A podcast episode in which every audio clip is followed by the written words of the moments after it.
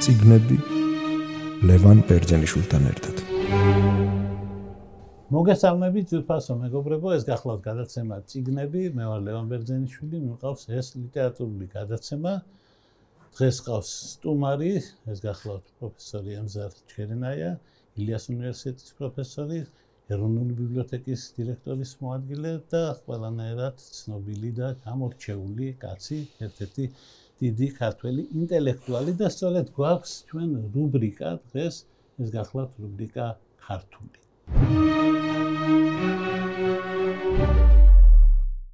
მოგეხსენებათ, ამ რუბრიკაში ახლახან გავიდა გადაცემა, რომელიც ეძღვნებოდა ალექსანდრე ყაზბეგს და იყო კითხველთა გამოხმაურება და ერთ-ერთს მინდა უპასუხო 1000 მადლობა მინდა უთხრა ყველას ვინც გამოგვეხმაურა და ერთ-ერთს მინდა განსაკუთრებული მადლობა უთხრა. ფაქტობრივად თავიდან დაწერა ეს ნაწარმოები ჩვენმა ერთ-ერთმა მსმენელმა ისეთი ღრმა და საფუძვლიანი ანალიზი იყო. ჩემი თეზა გახლავდათ რომ გოჩამ გზა გადაუღობა კაც ზეკაცობისკენ მიმავალ გზაზე დაუხვდა და არ მისცა ამის საშუალება, მაგრამ ამავე დროს ჩვენ განსაკუთრებით დიდი ძალა უნდა დავინახოთ უნისეში, რაც ჩვენმა მოგწერა მკითხველმა, რომ მან იპოვა ძალა ცოცხალი დარჩენილიყო. ეს მამამისმა გადაწყვიტა ასე, მაგრამ ის აპირებდა ციცოცხლეს, რაც იმას ნიშნავს, რომ ის აპირებდა მონანიებას და აღმასვლას. სიყვარული როგორც უფრო მაღალი ღირებულება, ვიდრე თუნდაც ეროვნული ან რაღაც მსგავსი რაღაც ასეთი დაინახა და ძალიან დიდი მადლობა. ეხლა ბატონ ემზარ, მე მინდა ამ რუბრიკაში რომელსაც ქვია ქართული, მაგრამ რა თქმა უნდა ჩვენ არ ვართ შეზღუდული ქართული, ვილაპარაკოთ იმაზე, ეს ლიტერატურა რას წარმოადგენს დღეს? თქვენ უპირველეს ყოვლისა ხართ ძალიან მაღალი რანგის პროფესიონალი სოციოლოგი. უპირველეს ყოვლისა, იმიტომ ვამბობ, რომ ადამიანი არ შეიძლება იყოს რამე. ადამიანი ყველაფერში მაგარი უნდა იყოს და მაგაში ახლა აღარ რუსების ციტირებას აღარ ვახდენთ ხოლმე, მაგრამ ეგ სწორად თქვა ერთმა რუსმა წერამ. როგორ ფიქრობთ, რა როლს ასრულებს დღეს ლიტერატურა დღევანდელ ცხოვრებაში? ძალიან სერიოზული კითხვაა. თუ თანამედროვე მოვლენებს გავითვალისწინებთ ის რაც უკრაინაში ხდება, ან თუნდაც რაც მოხდა მეორე მსოფლიო ომის დროს, აა ლიტერატურას მაინც და მაინც დიდი ზეგავლენა ადამიანებზე არ უნდა გქონდეს. ჩვენ სოციოლოგები შემდეგნაირად უყურებთ სოციალურ სამყაროს. არსებობს ფენომენი, არსებობს ინსტიტუტი, მაგალითად არსებობს რელიგია და ჩვენ ყოველთვის უყურებთ როგორ განსაზღვრავს რელიგია ადამიანის ყოველდღიურობას. იგივე კითხვა შეიძლება დავსვათ, როგორ განსაზღვრავს ლიტერატურა, დიდი ლიტერატურა ადამიანების ყოველდღიურობას. და ჩვენ უკვე ვნახეთ გერმანიაში მეორე მსოფლიო ომის დროს რომ დიდ გერმანულ ლიტერატურას მაინც და მაინც დიდი ზემოქმედება არ ქონდა ხალხზე სამწუხაროდ. და დღესაც შეიძლება ასე დავსვათ კითხვა, კი მაგრამ დიდი რუსული ლიტერატურა სად არის? როგორია მისი ზემოქმედება? ჩვენ საბჭოთა კავშირის დროს სულ იმას გვეუბნებოდნენ ჩვენი მამები და ზოგჯერ პროფესორებიც კი ჩვენი მასწავლებლები, რომ რუსები ძალიან ბევრს კითხულობენ და ჩვენ უფრო ნაკლებს კითხულობთ ქართველები ან რომელიმე სხვა საბჭოთა კავშირის ხალხები, მაგრამ რას კითხულობდნენ ისინი? რა იყო ეს ლიტერატურა, რომელსაც ისინი კითხულობდნენ ჩვენს პლაჟებზე, სუბტროპიკებში, ჩვენთან, კურორტებზე, ან თავიანთ სახლებში, თუ ქუჩაში, თუ საზოგადოებრივ ტრანსპორტში, არ ვიცით რა ლიტერატურა იყო ეს. ეს რომ დიდი ლიტერატურა ყოფილიყო, ალბათ მას დიდი ზეგავლენაც უნდა ქონოდა, ხო? დიდი ლიტერატურა პრინციპში დიდი ლიტერატურის პერსპექტივა ეს ჰუმანისტური პერსპექტივაა, რომელიც ადამიანს იმას ასწავლის, რასაც ყაზბეგი ცდილობდა თქვათ, რომ მეურნებაც კი არ არის მთავარი, უფრო მაღალი იდეალები არსებობს თურმე. და ეს იდეალები არის მეორე ადამიანი, რომელიც სხვა ენაზე ლაპარაკობს, მაგრამ რომელიც შეიძლება შეგიყვარდეს. და ახლა ვფიქრობ, რომ ჩვენი განმანათლებლური ეპოქის იმედები იმედები იმ ის იმედი რომ განათლება ბევრ პრობლემას მოაგვარებს და რომ არა განათლების დეფიციტი და ინფორმაციის დეფიციტი ადამიანების სხვანაირები იქნებოდნენ ეს მგონი რომ ეჭქვეშ დადგა. კიდევ რაღაცა არსებობს უფრო მნიშვნელოვანი ვიდრე განათლება იმისთვის რომ ადამიანებმა თანაცხოვრება შეძლონ.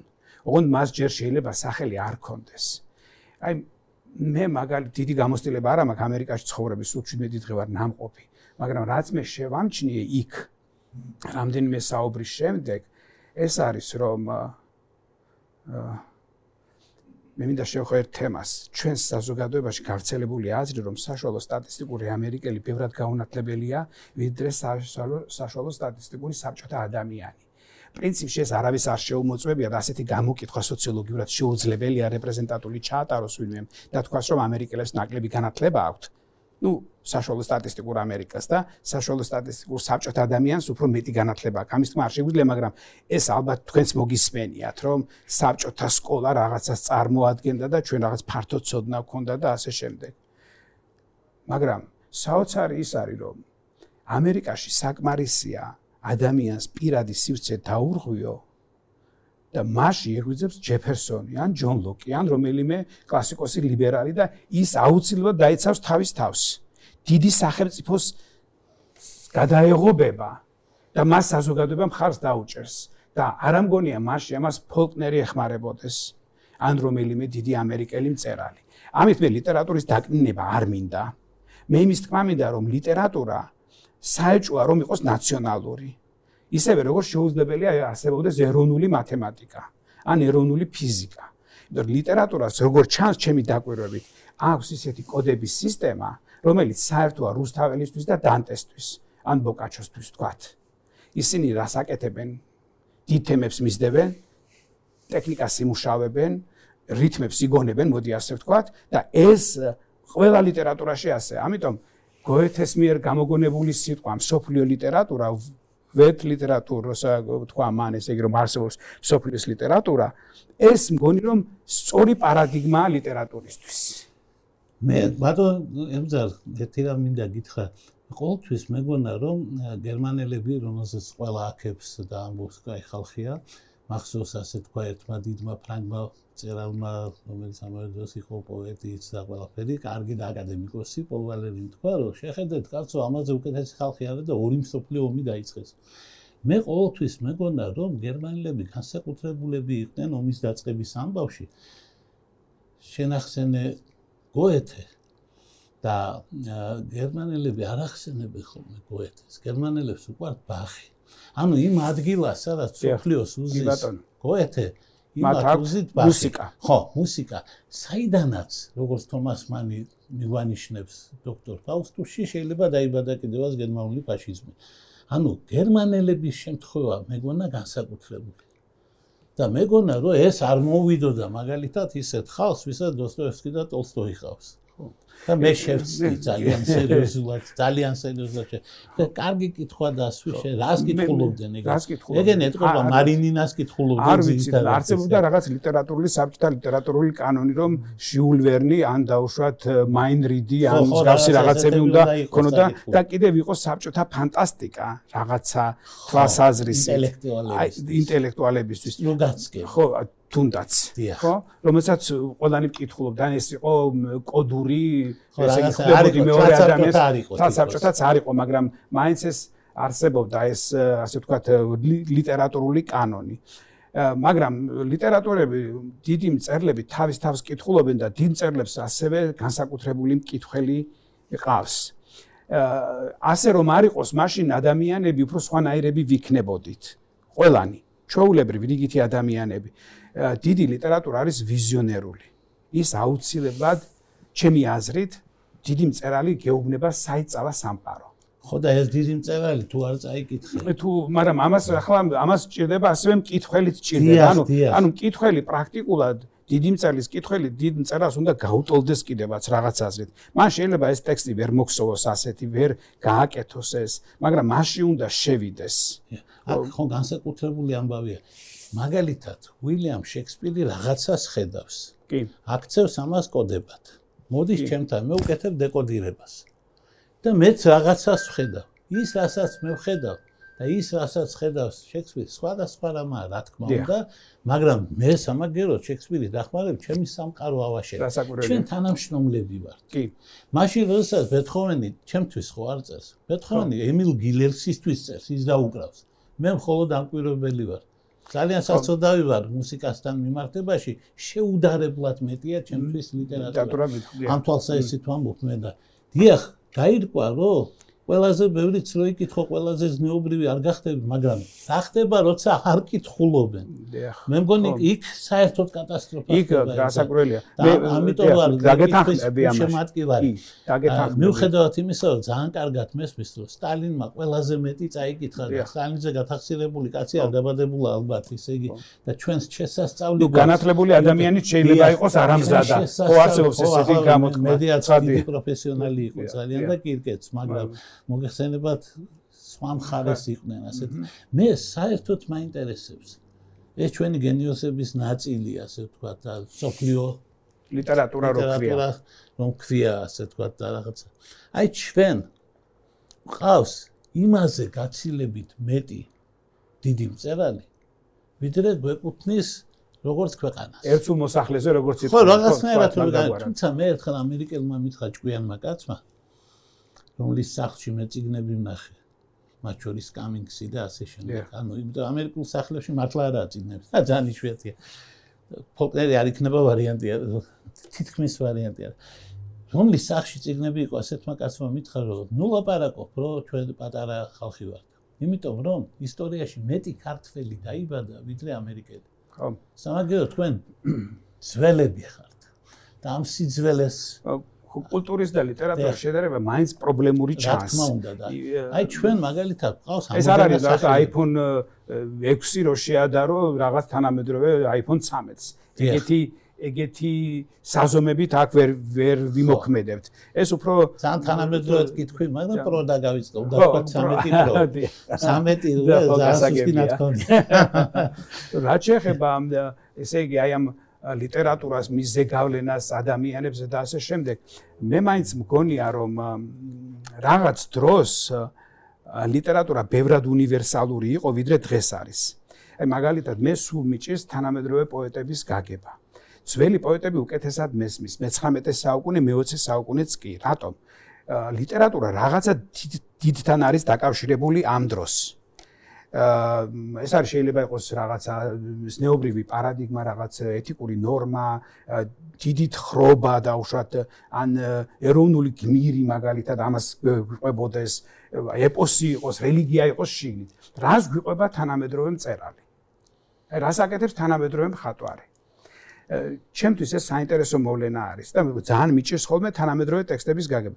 ის გიყვება თავის ინდივიდუალურ ერთჯერად ისტორიას, რომელიც მის ხელს გადახდა მხოლოდ. გააჩნი არიან სხვანაირი მწერლები. კი, არა, სხვანაირი მწერლებიც არიან, ცხადია. უძე, მაგალითად, მიყვება იესოს ბავშვობა. კი, აი, მას სწორედ მან სწორედ მან მივიდა. სწორედ მან მივიდა, დიდი ლიტერატურა ასე ვაკეთებს, კვლავ დიდი თემების ინტერპრეტაციას და ამიტომ გასაგებია, იმიტომ რომ თავარი ამბავი რა არის ადამიანისთვის? თავარი ამბავი არის ისტორია. ანუ ჩვენ სამ დროში ვცხოვრობთ არა? წარსული გვაქვს, ანუ აკლემები ვარ, დატვირთული ვარ კულტურებით, აწყოშიც ვარ და მომავალიც გვჭირდება გამჭრდოთ. და ამ ამ კონტინიუმში ლიტერატურა ძალიან მნიშვნელოვანია და თანამედროვე ადამიანი საკუთარ განცდებზე გვიყვება მხოლოდ, რომელიც მისია შინა რაღაცა რაღაცას გიყვება, რომელიც მისი სიზმრების ნაწილია. მაგრამ დიდი მწერალი რას აკეთებს? საკუთარ ინდივიდუალურს აუცილებლად აქცევს შენი ისტორიის ნაწილად. და მასში ხდება ჩემი აზრით ძალიან საკამათო თეზის ვამბობ ახლა მაგრამ აი თანამედროვე ქართულ პოეზიასაც რო ვკითხულობ თანამედროვე ქართველი პოეტი ხალი კაცი მწერალი გვიყვება რაღაც როგორ გაიღვიძა დილას და ასე შემდეგ და მე ყავა დალია და რაღაცა და ეს მისი გრძნობებია რომელიც ყובה საკუთარ თავს, მაგრამ რას უმიზნებს ის? რა არის რა დგას ამის უკან? არაფერი. მაგრამ ეს არის იმის ეფექტი, რაც კარგიც არის, სხვათა შორის ეს. რა აზრით რომ საფრანგეთის რევოლუცია გავდა დიდ აფეთქებას. ახალი სამყარო შეიქმნა პრაქტიკულად და რა იყო ეს? ინდივიდის გამოწყორცნა მოხდა რა. და ინდივიდს რო უთხრეს რომ შენ აბსოლუტურად თავისუფალი ხარ, ამ ინდივიდმა არ დაუწესა თავის თავს საზღვრები, ხო? აბა როგორ შეიძლება და მაშინ მარკის სადის დესადის წინებს ლიტერატურა უწოდოთ, არა და ლიტერატურა არა? იმან აჩვენა სწორედ ინდივიდი სად შეიძლება მივიდეს. თუ კი თავისუფლება არსებობს, ამიტომ არის რომ დოსტოევსკის ხშირად აციტირებენ თუ ღმერთი არ არის, მაშინ ყველაფერი თურმე დაშვებული ყოფილა და ასე შემდეგ. ეს ერთი მომენტი, ანუ თანამედროვე ლიტერატურას ჭირდება რაღაც დიდი თხრობაც ამავე დროს. მეორე ძალიან მნიშვნელოვანია რომ ნაციონალიზმმა ცუდი საქმე გაუკეთა ლიტერატურას, ჩემი აზრით. მაგალითად არის თუ არა ნაციონალური პოეტი შოთა რუსთაველი. ან იმ ეპოქაში ხომ არ არსებობს ნაციონალიზმი. ჩვენ ხომ არა გვაქვს ერი და სახელმწიფო. და რა არის ეს ტექსტი მაშინ? ეს არის უნივერსალური ტექსტი. ეს არის ყველას ტექსტი. ეს არის ტექსტი, რომელშიც ნახსენები არის სიტყვა საქართველოს. საერთოდაც ქართული რომ ხელი სამყარო არის საქართველოს. და ასეთია იმდროინდელი ტექსტები. მე ჩვენ მოვდივართ, ვქნით ერთ სახელმწიფოს და იმას, რასაც ეროვნული ფორმა არ ქონდა, ჩვენი ეროვნული სიამაყის ვავიწრობთ მას და ვართმევთ იმ ბუნებას, რომელიც ქონდა ჰომეროს იგივე, ხო? რომელიც არ იყო დაუშვათ კი ბეზნული რაღაცა, მაგრამ იქ ხომ არ არის ეს ნაციონალური სახელმწიფოს იდეა და საზღვრების იდეა და იქ სხვა არის, იქ არის გმირობა, მეხსიერებაში დარჩენა და ამბავი, რასაც რუსთაველი აკეთებს, ხო? რასაც დანტე აკეთებს ქრისტიანობის საფუძველზე, დაუშვათ მე მაგის სპეციალისტი არა ვარ, მაგრამ თუ ამას გავყვებით, აი ამ თუ როგორ რას როგორ მუშაობს ლიტერატურა და მე რას უკეთებს მას ნაციონალური ლიტერატურა, როგორ კეტავს მას საზღვრებში, ხო? აი მე ვფიქრობ, რომ ეს ძალიან საინტერესო აზრია და ძალიან მნიშვნელოვან დასკვნამდე მივყავართ. როდესაც ლიტერატურა უტილიტარული გახდა და მოემსახურა მაგალითად ნაციონალიზმს. კი. ნუ ვაჟა-ფშაველა იმ წუთას გაიქცა მითოში. ხო, ხელახლა დაიწყო ლიტერატურის გამოგონება. იმიტომ რომ ლექსი სამშობლოზე ლექსი არაა. ხო. იმიტომ რომ როდესაც აი ნორმალური ქართველი პოეტი წერს, შენ საქართველოს დედოფლობა დაგშველდება. ვიღაცას ეს მოწონს. კი. ეს ხო სისულელია. ამის მოწოდება ნიშნავს, რომ ჩვენ უარს ვამბობთ პოეზიას. ის დღევანდელი ავტორი, რომელიც ყובה მე ეს მომივიდა 1000-ჯერ უფრო მართალია ვიდრე ეს ავტორი, რომელიც ამბობს. კი, მაგრამ მაგრამ მან მან მივდივარ სწორედ რომ ამ ინდივიდუალიზმს ნეგატიურად კი არ უყურებ მე. კი არ ვამბობ რომ ეს უბრალოდ ეს შეიძლება პატარა აღმოჩნდეს. პატარა შეიძლება აღმოჩნდეს ლიტერატურისთვის. მე ერთი ქართველი პოეტი მიყვარს ძალიან. მისი ერთი ლექსი მინდა შეგახსენო. ის ამბობს ასეთ რამეს, რომ გადმოხტიო მეო. გადმოხტი და ვიღაცის BMW-ს დავეციო და მე აღწერილია BMW. ექიმის ნახმარი. ან ნახმარია ტერმინები, რომელთაც გასაყიდი ხდება რაღაცა, რომ ექიმის ნახმარი ხო ეს კარგად მოვლილი კარგად მოვლილი მანქანა. და რაც თორია მე ეს ამბავი მოხდება რუსთავი ორის კურიერში. ხო. და აი სუსტად გრძნობთ ჩვენ სად არის ტრაგედია. ტრაგედია ის კი არა რომ კაცი მოკვდა. ტრაგედია რომ კურიერი ასე აშუქებს. ანუ მე ძალიან კარგად გაუგე ამ ავტორს, რომელსაც სხვა ჩვენს ციხში ზოგადოება და ხო. კაი პოეტია. მაგრამ არის რაღაც, რასაც მეც მეუბნები დღევანდელ ჩვენს ავტორს. ცოტა უფრო დიდი თემები უნდა ვიყოთ. ამ ამ ინდივიდუალიზმს აქვს კი, ამ ინდივიდუალიზმს აქვს დიდი გზა. მაგრამ მეტი არის. შეიძლება საქართველოს ყავდეს სტალინი. ხო. მაგალითად. რომელმაც ამდენი ზიანი მოუტანა მსოფლიოს და ჩვენ ერთი ნობელი ვერ გამოვიყვანოთ მაქიდან. შეიძლება ამოდენა ამბები ხდებოდეს და წერლობაში არა ისახოს. კონსტანტინე გამსახურდია რომ დაიწყო თვალის მოტაცებაში. იქ უკვე იყო პირველი ნაბიჯები, მე რა თქმა უნდა დააშინეს და გასაგებია დამთავრდა ეს მაგრამ სხვადასხვა მან დიდი ტრაგედია მოხდა ლიტერატურაში, წმინდა სოციოლოგიურადაც რო შევხედოთ, იმიტომ რომ ეს დასაწყისი მე-20 საუკუნის ხატრული ლიტერატურის იყო ძალიან კარგი სტარტი, არა მარტო ლიტერატურაში, არამედ ხატრობაში ეს ცნობილია, მაგრამ 37 წელმა ეს ყველაფერი მოკლა. ლიტერატურაში 31 დიონისეს ხიმილი არ ითვლება კონსტანტინე გამსახურდეს საუკეთესო ნაწარმოებად, მაგრამ მე ძალიან მომწონს, რატომ? ადამიანი გრძნობს ეპოქას საითმიდის ფემინიზაცია, უფლებები, ხალი გამოდის ასპარეზე, ეს მოდერნისა და ტრადიციის თავის თავს მოერია, იმიტომ თვითონ მასე არ ფიქრობდა. კი, კი, არ ფიქრობდა, ეს რომ დაინახო.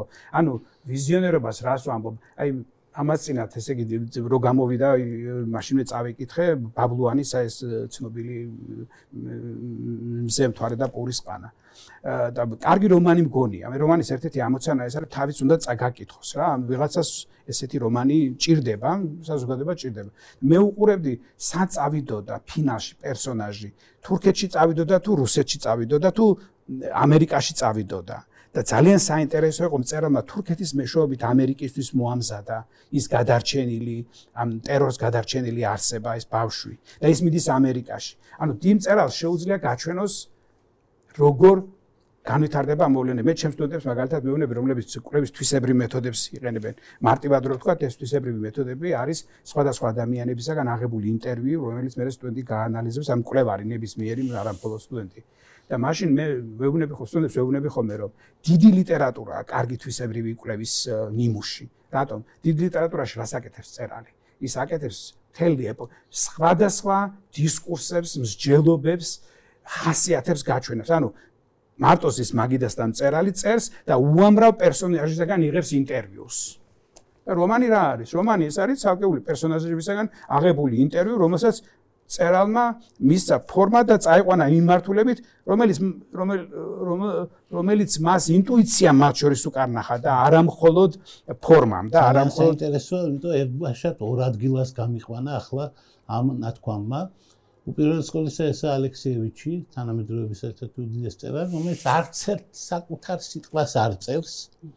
სულ სულ დადის ძველი საბჭოთა მაგნიტოფონი აქვს. ზუსტად ასეთი ინტერვიუსები ისე და ინტერვიუებს იღებს, მაგრამ მე ამას როგორ რას ვის შემდეგ დაუშვებს? ანუ როგორ იქნება კომპოზიცია, რა დარჩება, რა არ დარჩება, ხო ეს მის ხელში. ის მართალია ახალ სიტყვებს არ წერს, სხვის სიტყვებიც არ და მეორე. განსაკუთრებული ციგნი ექსპერიმენტული რომელსაც ქართულ თარგმანში კი ქვია სული რომ ამომდიოდა და ყოველას მოწონს ეს სათაური თარგმანი ქართულ თარგმანში ვერ გაიგებს ხეს ვიდებოდა ხო სხვა ამბავია სხვა ამბავია. ფოლკნერი ხო. იქ ასეთი რამაა ნათქვამი მეო ვეგდეო. სოლმა მომკლაო. აგამემნონი ამბობს. ლიტენა და ზედაც არ დამხედაო. ასე მიმაგდო რომ ვეგდე და სული რომ ვერ ამომდიოდა. სული რომ ამოსვლოდა, უკაცრავად, მაშინ ხადეში მოხდებოდა, მაგრამ ვერაო, ვერაო, არ ამომიშო, ხალი ცუდად მოიქცა, არ დამარხა. არც მომხედავ, ძალიან ძიმე ადგილი არის მოგეხსენება ოდისეადან აღებული, როდესაც უყვება, მოკლული უკვე აგამემნონი უყვება ოდისევს. მაქიდანა ეს ციტატა, უყვარს ციტატები უყვარს, უყვარს ბოლოს. აი, ხო და 15 თუმცა საკითხი ავტორია. 15 კაცის ინტერვიუ მოგცა. 15 სხვადასხვა პოზიციიდან გვაჩვენა გვაჩვენა ერთი ამბავი. ერთი უცნაურობა ვიცი. თავარი არის ბავშვამდე ციგნი ფიზიკურად მიიდა.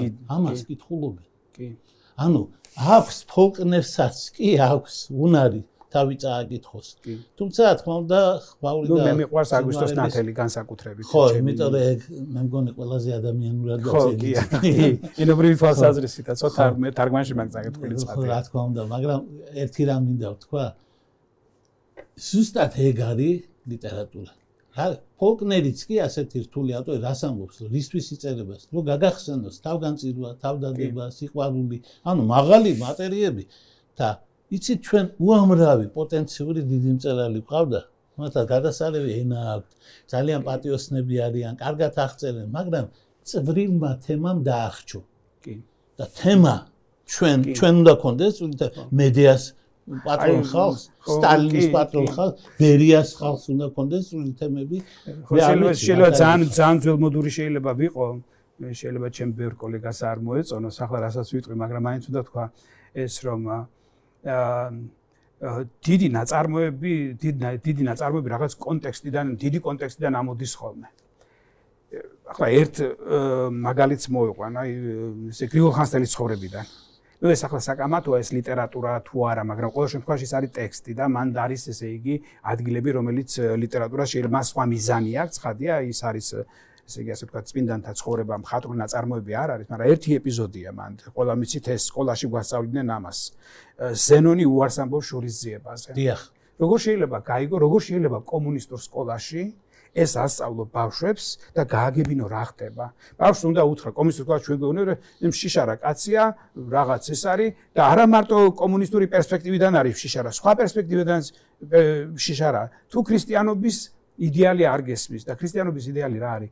არ ემსგავსო საკუთარ მტერს და არ დაუბრუნო იგივე რაც შენ ტერმა გაგიკეთა და ამაზე უნდა ამალ შურიზიებაზე უარის თქმა არის ეს და მსხვერპლზე უარის თქმა არის და ასე მუშაობს ლიტერატურა ზოგადად. ანუ დიდი ლიტერატურა ფოგდერი იმიტომ გესმის რომ იმ ეპოქის ამერიკა იცი რა ხდება. შავკანიანებს რა პრობლემები აქვს იცი და ის მწერალი ამას აკეთებს. ის რომ ლიტერატურა ძალიან სოციალურია და ბევრად უფრო მნიშვნელოვანია სინამდვილის გასაგებად, რაში ცხოვრობს ადამიანი. ლიტერატურა და სინამდვილე ერთ და იგივე არ არის ცხადია.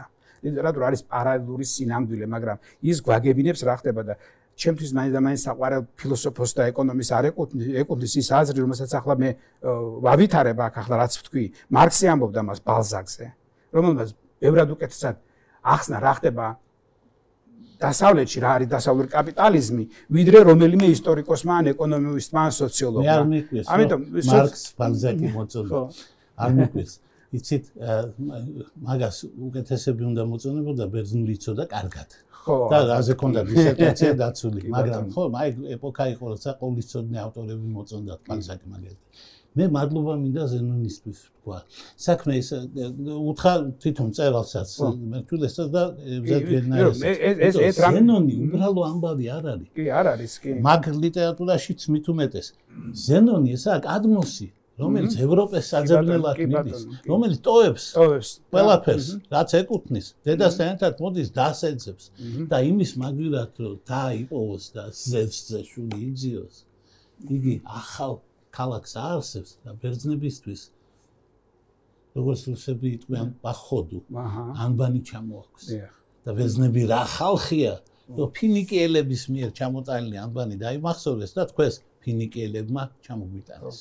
აა ესე თუ მაინც ხალხს მინდა რომ ეს კარგად მიაქციოს ყველაფერი. ასე იგი ლიტერატურა რო გახდეს ყოველდღიურობაში ადამიანის ასე ვთქვათ ნახეთ როგორ იმუშავა დასავლეთ დასავლურმა ან ამერიკულმა მოდი არ მიყვარს ეს განათლების სისტემა მაგრამ იმ ადამიანებმა ვისაც სხვებისთვის უნდათ აეხსნათ რა ხდება ყველგან. მათ მოიფიქრეს რომ მოიფიქრეს ეგ ციგნებს წერდნენ პატარა ციგნებს მაგალითად 200 გვერდიან 300 გვერდიან რომანს 20 გვერდში გიყვებიან. და პრინციპში აქ ეს მუდმივი ქილიკის ამბავი იყო რა როგორ შეიძლება ესე გააფუჭო ლიტერატურა და ასე შემდეგ. მაგრამ ეს მნიშვნელოვანი ამბავები და ყველა ადამიანს არ შეუძლია და არც აქვს შესაძლებლობა დიდ რომანებს შეეჭიდოს.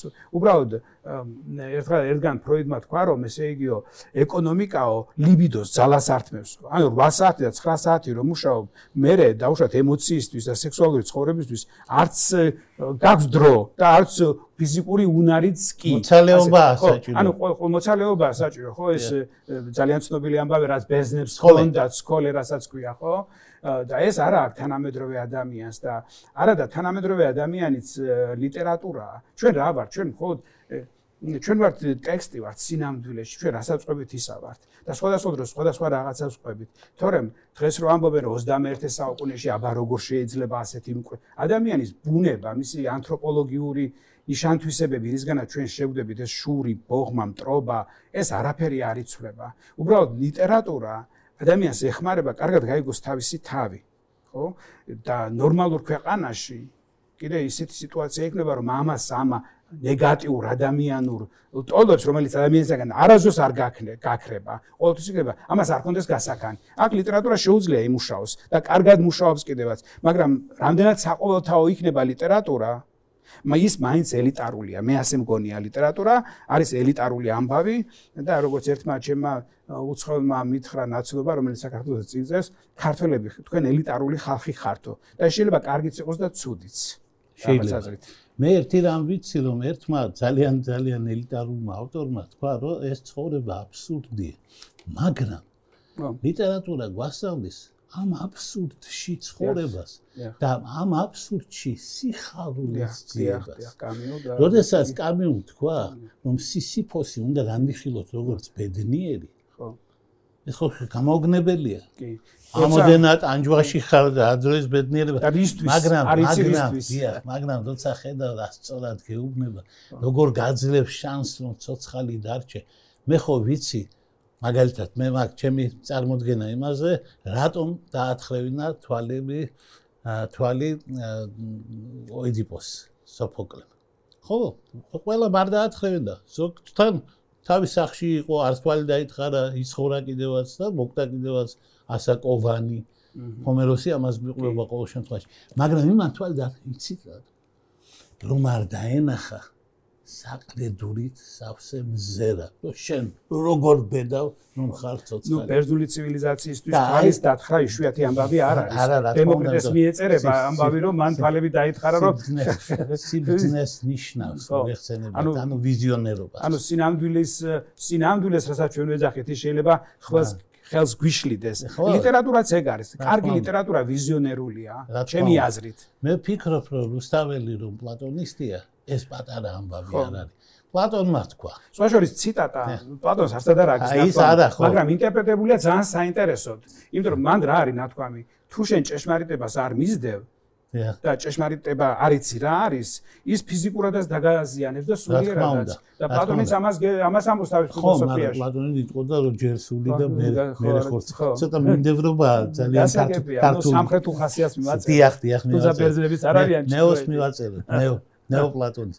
მე მინდა მადლობა გითხრა ებზარ, იმიტომ რომ ეს არის გადაცემა, რომელშიც ჩვენ ციგნებს ვიხილავთ ხოლმე კონკრეტულ ციგნებს და ძალიან მოწყვლებული არის ჩვენი მაყურებელიც და მსმენელიც ცოტა უფრო მეც ვიდრე რომელიმე ჩვენგანი იტყვის ამათ თუ იმ ციგზე. იმიტომ ძირითადად აქ ვზივარ მე და ყველას უყვები როგორ მიყვარს ესა თუ ის ციგნი. ну ძირთად ამაზეა ლაპარაკი, იმიტომ სიყვარული დამოკიდებულებას. მაგრამ ჩვენ ახლა წავედით ცოტა უფრო შორს და მე მადლობელი ვარ.